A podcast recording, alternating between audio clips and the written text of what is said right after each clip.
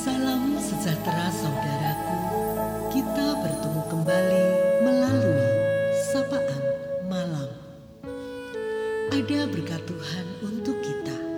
Firman Tuhan yang akan memberi ketenangan. Saudara, kepada apa atau kepada siapa hati kita berpaut? Maka itu sangat menentukan siapa yang akan mengatur hidup kita. Di heningnya malam ini, Injil Lukas 3 ayat 15b dan 16 hendak menyapa kita. Dan semuanya bertanya dalam hatinya tentang Yohanes, kalau-kalau ia adalah Mesias. Yohanes menjawab dan berkata kepada semua orang itu, Ia yang lebih berkuasa daripadaku akan datang dan membuka tali kasutnya pun aku tidak layak. Saudara-saudara, spiritualitas seperti apakah itu? Spiritualitas itu bisa dikatakan sebagai keterarahan hati setiap orang kepada sesuatu hal yang menjadi penentu hidupnya. Hampir setiap orang mencari dan mendapati penentu hidupnya, walaupun mungkin pengakuannya belum tentu terbuka dan jujur. Pengakuannya belum tentu seperti apa adanya di dalam hatinya. Dalam pengertian tersebut, apakah spiritualitas kita adalah kepada Tuhan? Apakah Tuhan sebagai penentu hidup kita atau yang lain? Di mana seluruh hidup kita terarah? Apakah terarah kepada Tuhan? Apakah Yesus adalah alasan dari tiap keputusan dan langkah-langkah kita? Melalui firman Tuhan hari ini, kita dipanggil untuk mengubah arah hati kita. Arahkanlah hati kita kepada yang terbesar dari apa pun, yakni Tuhan Yesus Kristus. Sikap hati tiap kita terarah pada Tuhan jika alasan dasar yaitu hidup kita adalah Tuhan. Alasan itu misalnya karena Dia Tuhan yang menentukan keselamatan saya. Setiap hati yang terarah pada Tuhan, ia juga akan merendahkan hatinya di hadapan Tuhan. Mari kita teladani Yohanes Pembaptis.